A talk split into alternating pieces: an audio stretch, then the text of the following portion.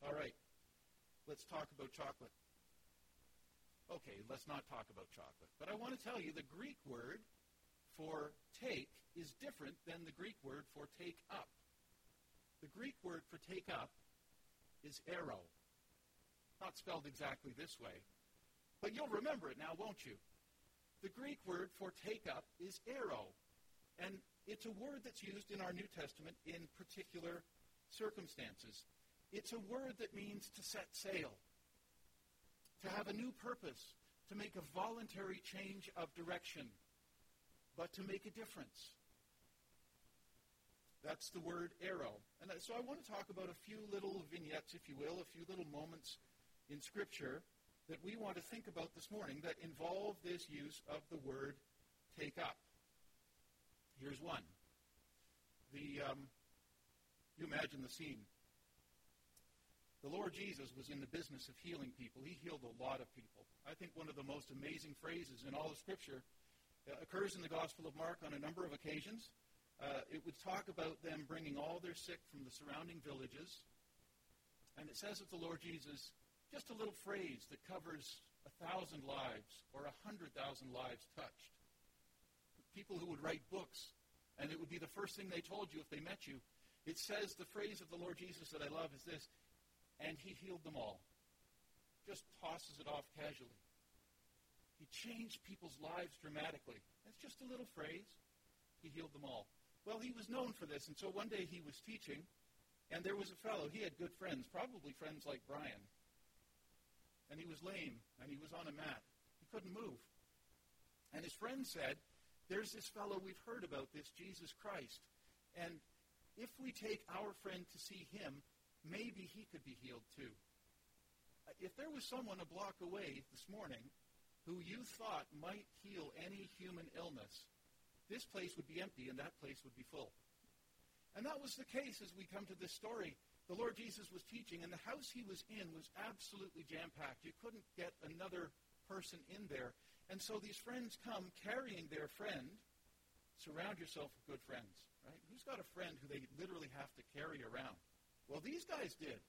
And they carry him around, and they get to the house, and they can't get in. That's miserable. But I know they're good friends because they get to the house and they say, okay, we carried him all the way here. Let's climb onto the roof with him. That seems like a good plan. Let's take the paralytic up to the roof. If we drop him, it can't get any worse. And they get up there, and I want you to imagine the scene. The house is packed, the Lord Jesus is teaching, and suddenly there's someone sawing a hole in the roof. And I imagine the homeowner sitting there horrified. And so the Lord is teaching, and, you know, stuff's falling. And eventually, unannounced, they lower this fellow down. and he's there in front of the Lord Jesus. That, that's a way to interrupt the message, isn't it? And the Lord Jesus says to him, Son, what faith? It's amazing faith. He says to him, he reaches out, he says, Your sins are forgiven. Wow. That's incredible. He came to get physically healed, he got spiritually healed. He got offered a home in heaven. Your sins are forgiven. That's the best thing that could ever happen to someone. That's incredible. And everybody grumbles because there's nothing visible. There's no flash. There's no flare. Where's the show? And the Lord knows what they're grumbling about in their hearts. And he says, So you may know that the Son of Man has authority on earth to forgive sins. He says, I did do the greater thing. You didn't see anything. You don't know that it happened. But he says, So you know it happened. Let me do the lesser thing. Pick up your bed. Take up, arrow your bed, and go home. And the paralytic does. Oh. Christian, are you here this morning and there is something plaguing you and you have prayed to the Lord to relieve you of the pain you're in, the suffering you have, the struggle you're going through? And God seems uncaring. The heavens are silent. And you wonder, where is he? What is he doing?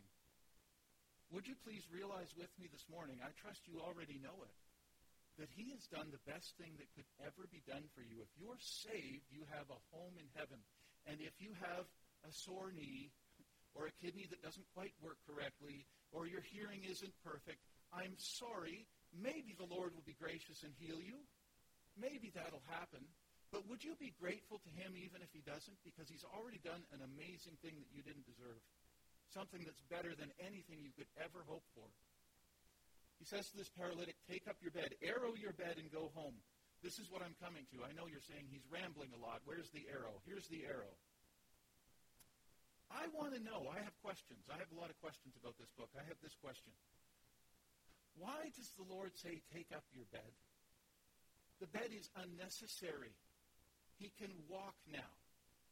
Wouldn't it be a kind of a better story if the Lord said, Leave that garbage that reminds you of what you were and walk freely? But he doesn't. He says, Take it, roll it up, tuck it, tuck it under your arm, and walk home. I think about that a lot. Here's one possible explanation. I like to think this was the case. I like to think Fred, let's call him Fred, was obedient to the Lord and he was walking home with his bed tucked under his arm.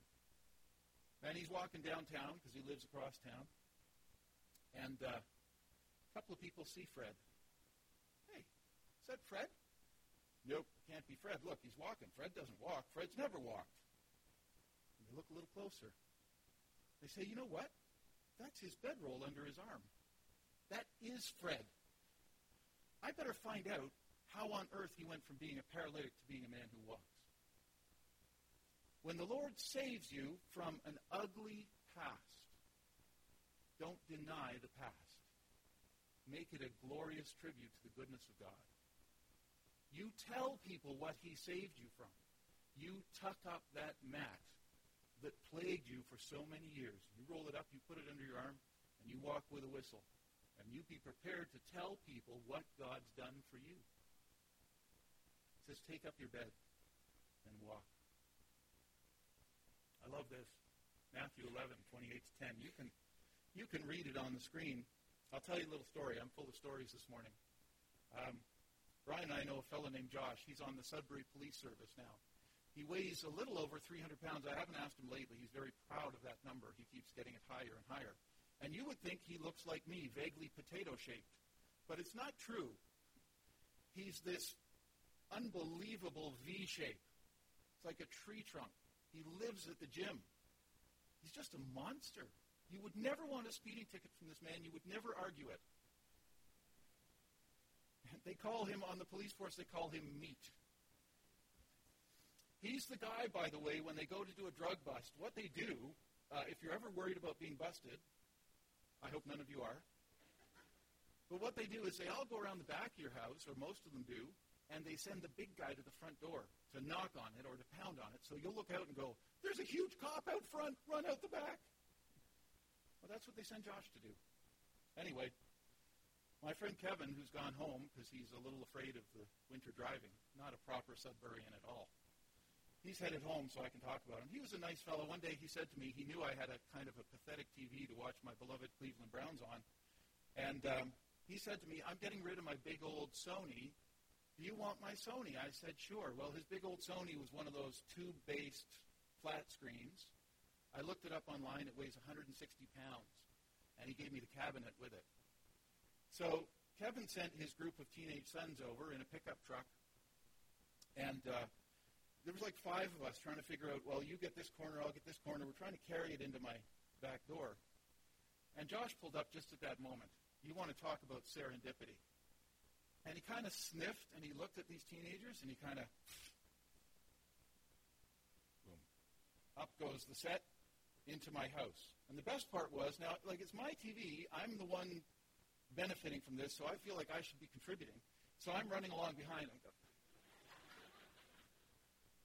And when you ask me if you ever just were to see that TV, because I thought maybe we just have to sell it with the house, if you'd ask me, I would say, yeah, Josh and I carried that in.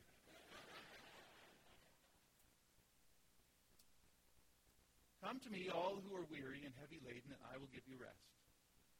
Take up, arrow my yoke upon you, and learn from me. I am gentle and humble in heart. You will find rest for your souls, for my yoke is easy and my burden is light. What is the Lord calling us to? He says, Put on my yoke. Oh, I'm going to have to work for him. This is miserable. Well, maybe it escapes our notice that the yoke is a two person device. And what he says is, I have some work to do. And let's share a yoke. And let's do it together. And I'll, I'll reward you for the work. I'll, I'll thank you for your effort. I'll say, well done, good and faithful servant. But the reality is, if God has done anything through you in your life, you were doing this. He did the heavy lifting. And he calls you to a life, and the work he calls you to is incredible. You need to get out there and be involved in saving human souls and in undoing the damage that the fall of Eden brought. And it's way too heavy for you to do. And if you looked at it that way and you said, God has called me to a difficult life and I've got to slog through it, and one day if I do it well, I'll meet him and he'll He'll be grateful to me for all my hard work. If you thought that's what the Christian life was, you're dead wrong. He's with you in it. And he does the work with you. And he's gracious enough to call us workers together with him. But the truth of it is, he does all the heavy lifting. Can you be grateful for that? Can you be grateful for a life like that of meaningful, worthwhile service? Take up. That's a voluntary change. It's a change of direction. You need to choose to do it. Take up my yoke. Can you be a Christian and avoid and shirk the work he's called you to? I suppose you can, but that's a sad sort of Christian. So make the voluntary choice to take up the yoke that he'd give you. There's, um, I can't get to this passage without talking about a command, a qualifier, and a consequence. Here's the command. He says, Come unto me. That's easy to do, isn't it? Come to the Lord Jesus. Here's the qualifier. All who labor and are heavy laden. If this life is easy and perfect and everything's going well for you, and you're completely happy and your soul's at rest, I suppose you won't come. But if you're like me, you've found some hard things in this life. And you felt burdened, and you felt troubled, and you felt weary. And here's the qualifier. If you've ever felt that way, you qualify to come to the Lord Jesus Christ. He says, Come to me, all who labor and heavy laden, and I'm so glad Scripture doesn't say this. It doesn't say, I will do my level best to give you rest. My intention is to give you rest. I hope together we can find rest for your soul. He says, I will. That's the same voice that spoke the universe into being. That is the power of God behind that promise. You'll come to the Lord Jesus Christ. He will give you rest. so take up his yoke. Just a quick one. The word is used here. It's a sad thing. It's maybe something I've been thinking about a little bit lately. It's the hardest change we know. Precious in the sight of God is the death of his godly ones. Think about my father. Think about John the Baptist. They came, they told the Lord Jesus he'd been cruelly killed by a wicked man with no cause and they take up, they arrow the body. There had been one plan for John's body. It was to be in disarray and shame. The disciples loved him, and they knew Jesus loved him, so they take up the body. That's a voluntary change of course, and they give it the best burial they can, and the Lord weeps over that. Incredible that the Lord weeps at death, isn't it? Weeps at the grave of Lazarus. Why on earth would the Lord weep? He knows he's going to raise Lazarus. He knows John will rise again. What's the big deal?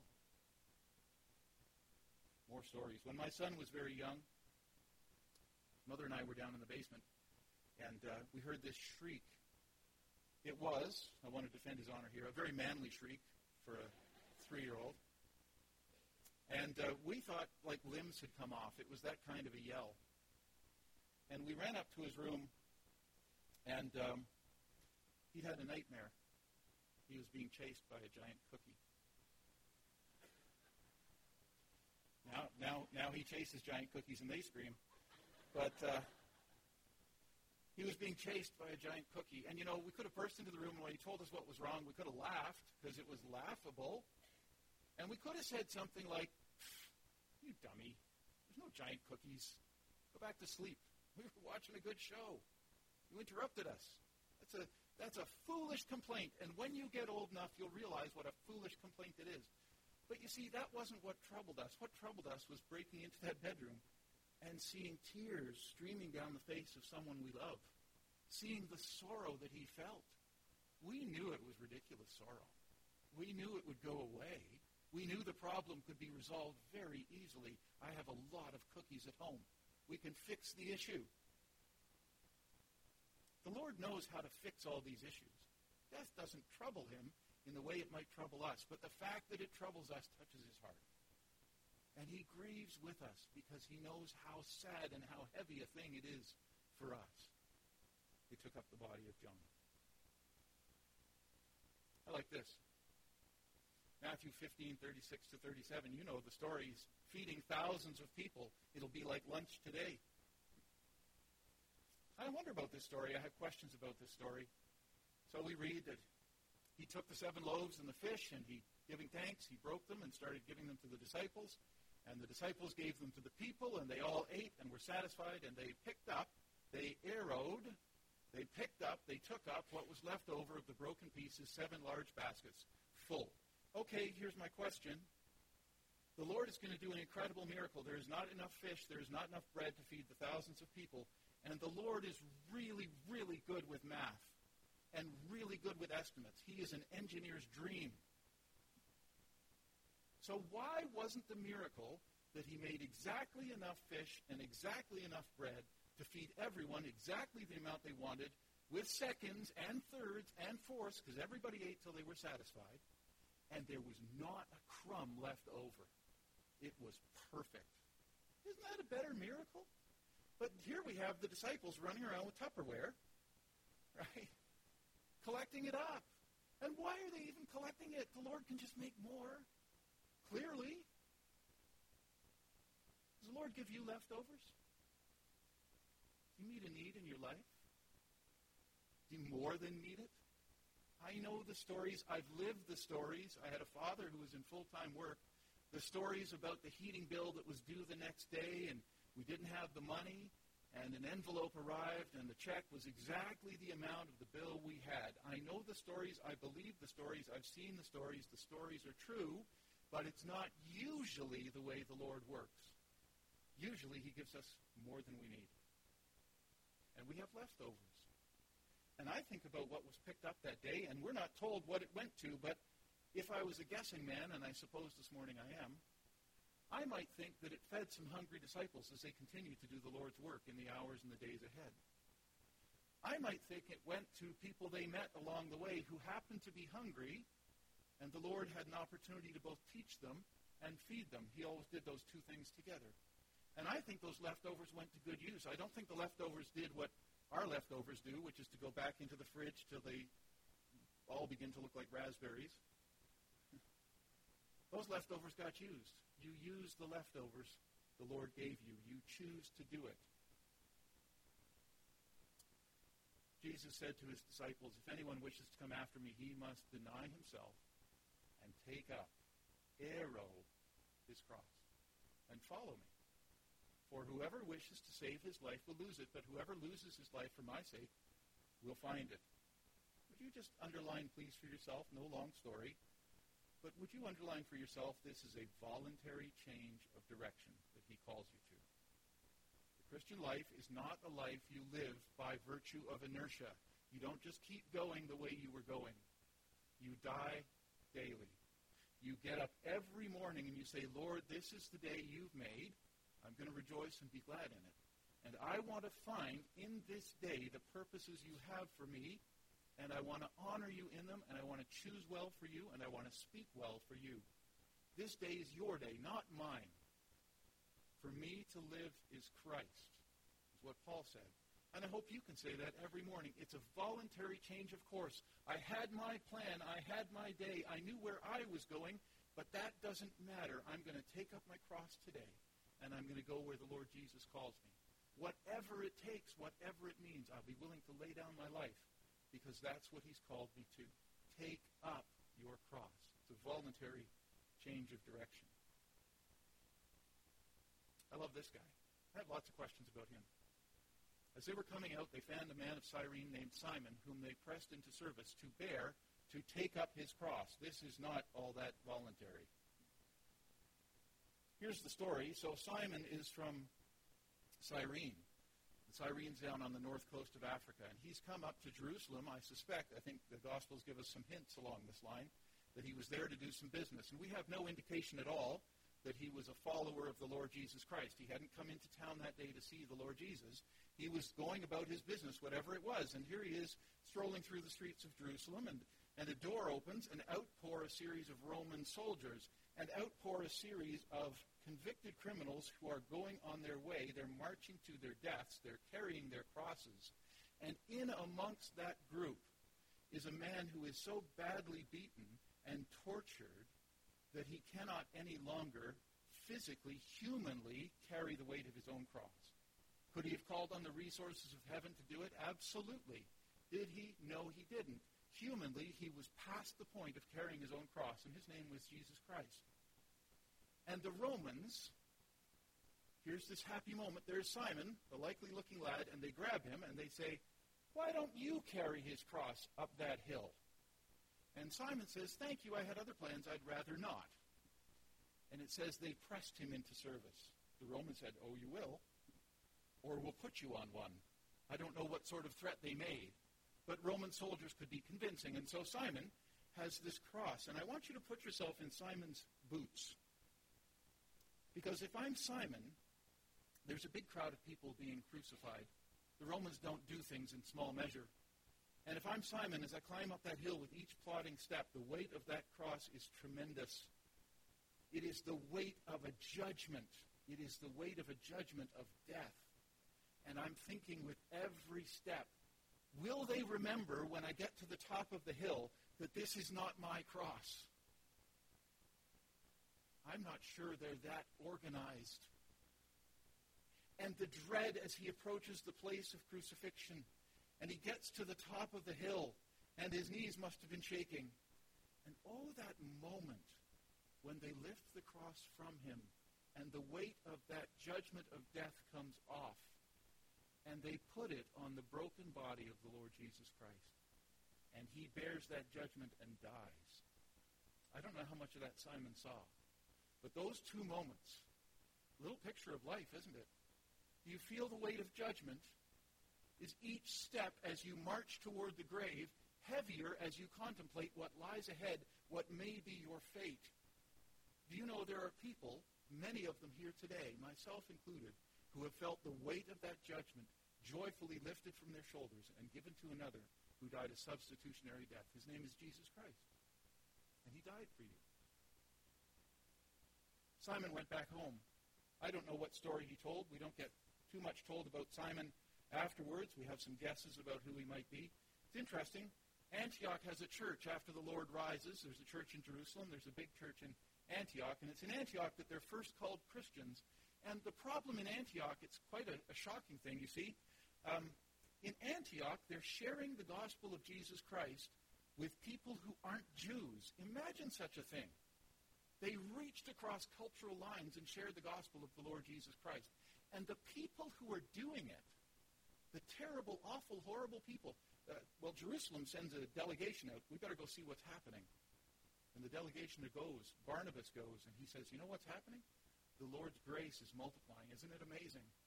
And now Gentiles are going to be preached to everywhere because of the example of Antioch. But it's in Antioch we learn that the real troublemakers, the people who started doing this, you know who they were? Cyrenians. I wonder if Simon took the story of that day home with him and I wonder if that's where the little Christian cluster in Cyrene started. The cluster that's going to have an impact on Antioch. We don't know. We're not told, but it's interesting. Simon took up the Lord's cross. Okay. Luke. Luke the physician. Love Luke. If you have your Bibles with me, you can turn to the Gospel of Luke. Got some stuff on screen here for you, but Luke wrote his Gospel, and Luke wrote the book of Acts. And they're the same story, and Luke was a careful man. He closes Luke with the story he opens Acts with. And um, there's an absent-minded moment. Reach for your glasses, which are over here.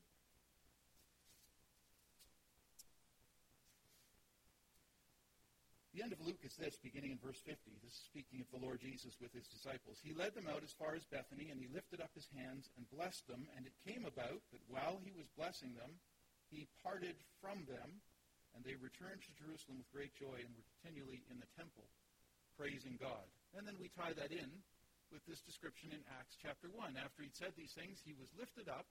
This is like our word, taken up or take up, but it's a little different tense. It's epero. It's not take up, it's taken up.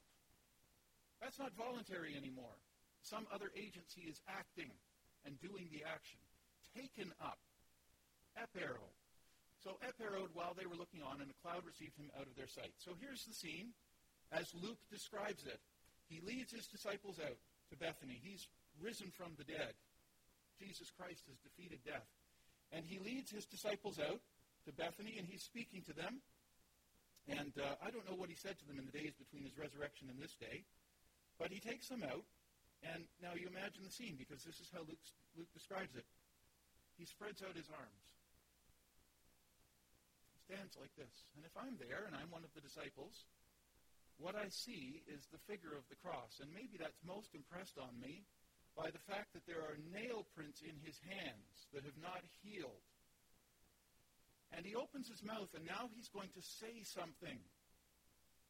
And if I were there, I don't know what the disciples thought, we're not told, but if I were there, I would think to myself, he's going to tell us why those nail prints are on his hands, how we failed him how we fled from him while he died, how we betrayed him, how the cost for our redemption is showing right there. He's reminding us of the cross and what he did. And he opens his mouth and he speaks. And what does he do? Well, this is God in the flesh, and he speaks the way he spoke in the garden. He began to bless them. He had nothing but good things to say. And as he's like this, heaven arrows him.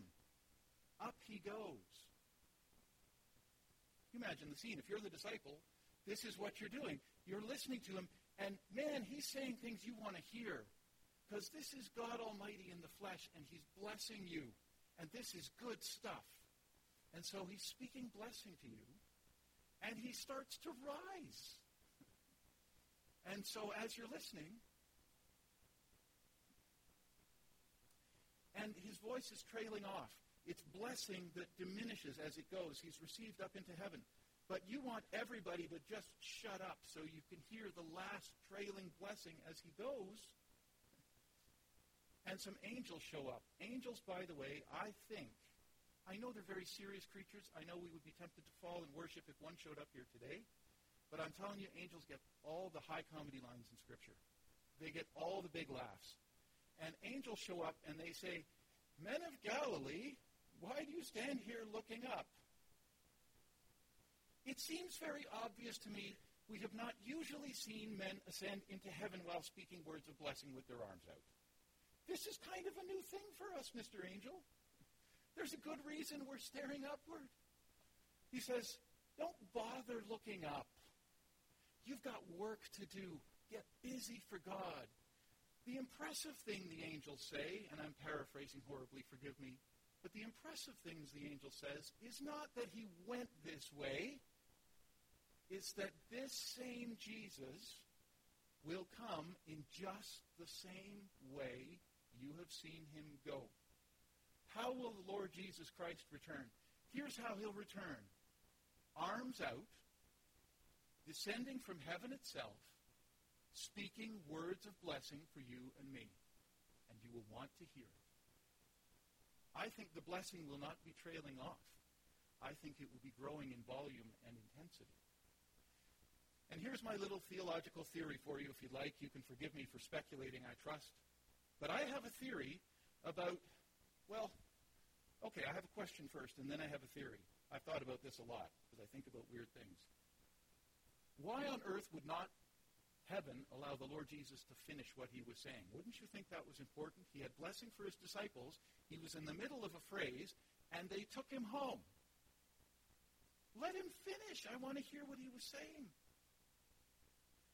I think the reason he went into the clouds speaking words of blessing, and the reason he comes back from the clouds speaking words of blessing, is because he never stopped blessing.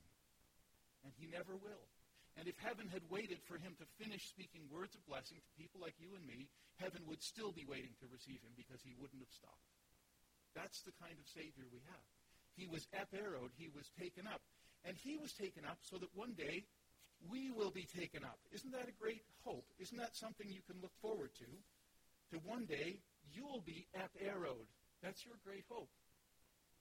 We talked with the kids about finding God in time. A little bit of a play. You could take that a couple of different ways. So we went back thousands of years. If you want to be a silly evolutionist this morning, we went back millions of years. No, we went back thousands of years, and we looked at who God was in the garden. And we found him in time. And then we looked at the Lord Jesus Christ, and we found him in time, there born and dying 2,000 years ago.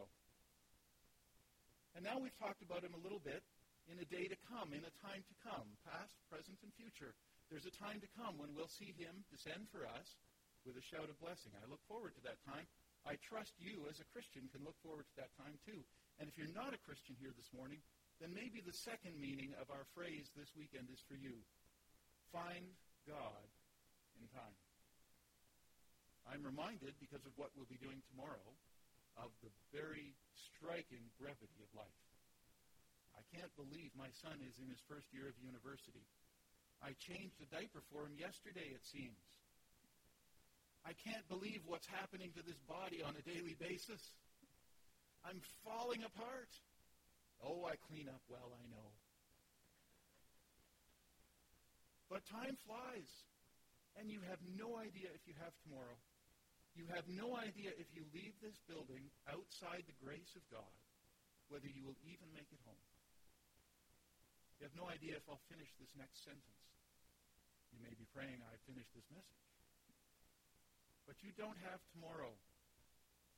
Now is the accepted time. Find God in time. Come to the Lord Jesus Christ. All who labor and are heavy laden, he'll give you rest. One more brief sense in which we might use the word arrow, and it's the way the hymn writer takes it, and it's the way every Christian here this morning, I hope, feels. It's this. What Henry Bennett said. It's a hymn sometimes we sing. I don't know if it's in your little book or not, but we sometimes sing it here. Taken up with thee, Lord Jesus, I would be, finding joy and satisfaction all in thee. Thou the nearest and the dearest unto me. For you and I, in the life we have remaining, however long it is, to be taken up, to be consumed with the Lord Jesus. I remember when Brian met Son, and when a boy meets a girl, maybe that happened this weekend for some young people here, I don't know we would use a phrase like that. You know, we would say, well, Brian going to go golfing with us? No, he's seeing Son. And we would say, he's taken up with her. He's kind of been consumed by an interest that eclipses the interest he used to have with us. It's been a voluntary change of direction. And that's what I crave for you this morning as a Christian here. That you would, in a fresh way, be taken up with the person of the Lord Jesus that people would find you not busy with the things you used to be busy with that had no profit, but they would find you busy serving the Lord Jesus. And they would say of you, as the hymn writer has said, that you're taken up with the Lord Jesus, that you love him more than you did, that you serve him more than you did, that you long to see him more than you did. That's what we've been covering this weekend. I have deeply enjoyed the time with you. I appreciate your patience this morning. We're a couple of minutes over. I hope you'll forgive me, but I did want to thank the folks at Southdale. I was here. I didn't get to tell you too much of my story, and my story isn't the point anyway. The story of the Lord Jesus is. But um, it was nice for me to come back here. I lived here a number of years ago, very briefly, and attended here a number of years ago, somewhere in the mid 80s. Can't put a precise date on it. But I remember this building before the addition went on. I was trying to figure out where the exterior wall used to be. It's lovely to be back here with you. And as we close in prayer, I just trust that the Lord will continue to lead and guide in Southdale, that there'll be a strong testimony here, that you will have peace and grace multiplied to you, and that collectively you will serve more and do more for the Lord. It's going to be a struggle because Brian does attend here. But that's my prayer for you, that you'd go on well for the Lord. Let's close in prayer. Father, thank you for the Lord Jesus. Thank you for the lessons we can learn from taking up. Thank you that there's so much for us to do in this broken world to reverse the struggles that come out of Eden and come out of the fall. Thank you that we are called to live lives that are not marked by shame and fear and dislocation and worthless work and broken relationships. Not even lives that are marked by death. For Father, you won't use that term of us. You just talk about those who have fallen asleep. Commit this assembly to you, Father, this group of people who seek to serve you. They will struggle. They will wrestle with doctrine. They'll wrestle with each other. They'll wrestle with commitment. We know all those things. Father, we ask by your grace that you would preserve a sense of unity here, that there would be a renewed zeal for service, that you would guide and direct and do wonderful things in this part of London. There are people here, Father, I know it, you know it, who are unsaved and desperately in need, and they need to hear the message of Jesus Christ, and they need to be saved. Would you make this work and the people in it part of that wonderful story of coming to the Lord Jesus and finding rest for their souls? Thank you for this weekend that we've had. Thank you for the young people who attended, who listened so well and so graciously. Thank you for those who even now are driving home, and we'd ask for safety on the roads for them. Thank you for those who have labored so hard behind the scenes and provided us with food to eat and a facility that's clean and works well. Thank you, Father, for your goodness to us in this weekend and in the days ahead. And we thank you above all things for the Lord Jesus Christ in his great name.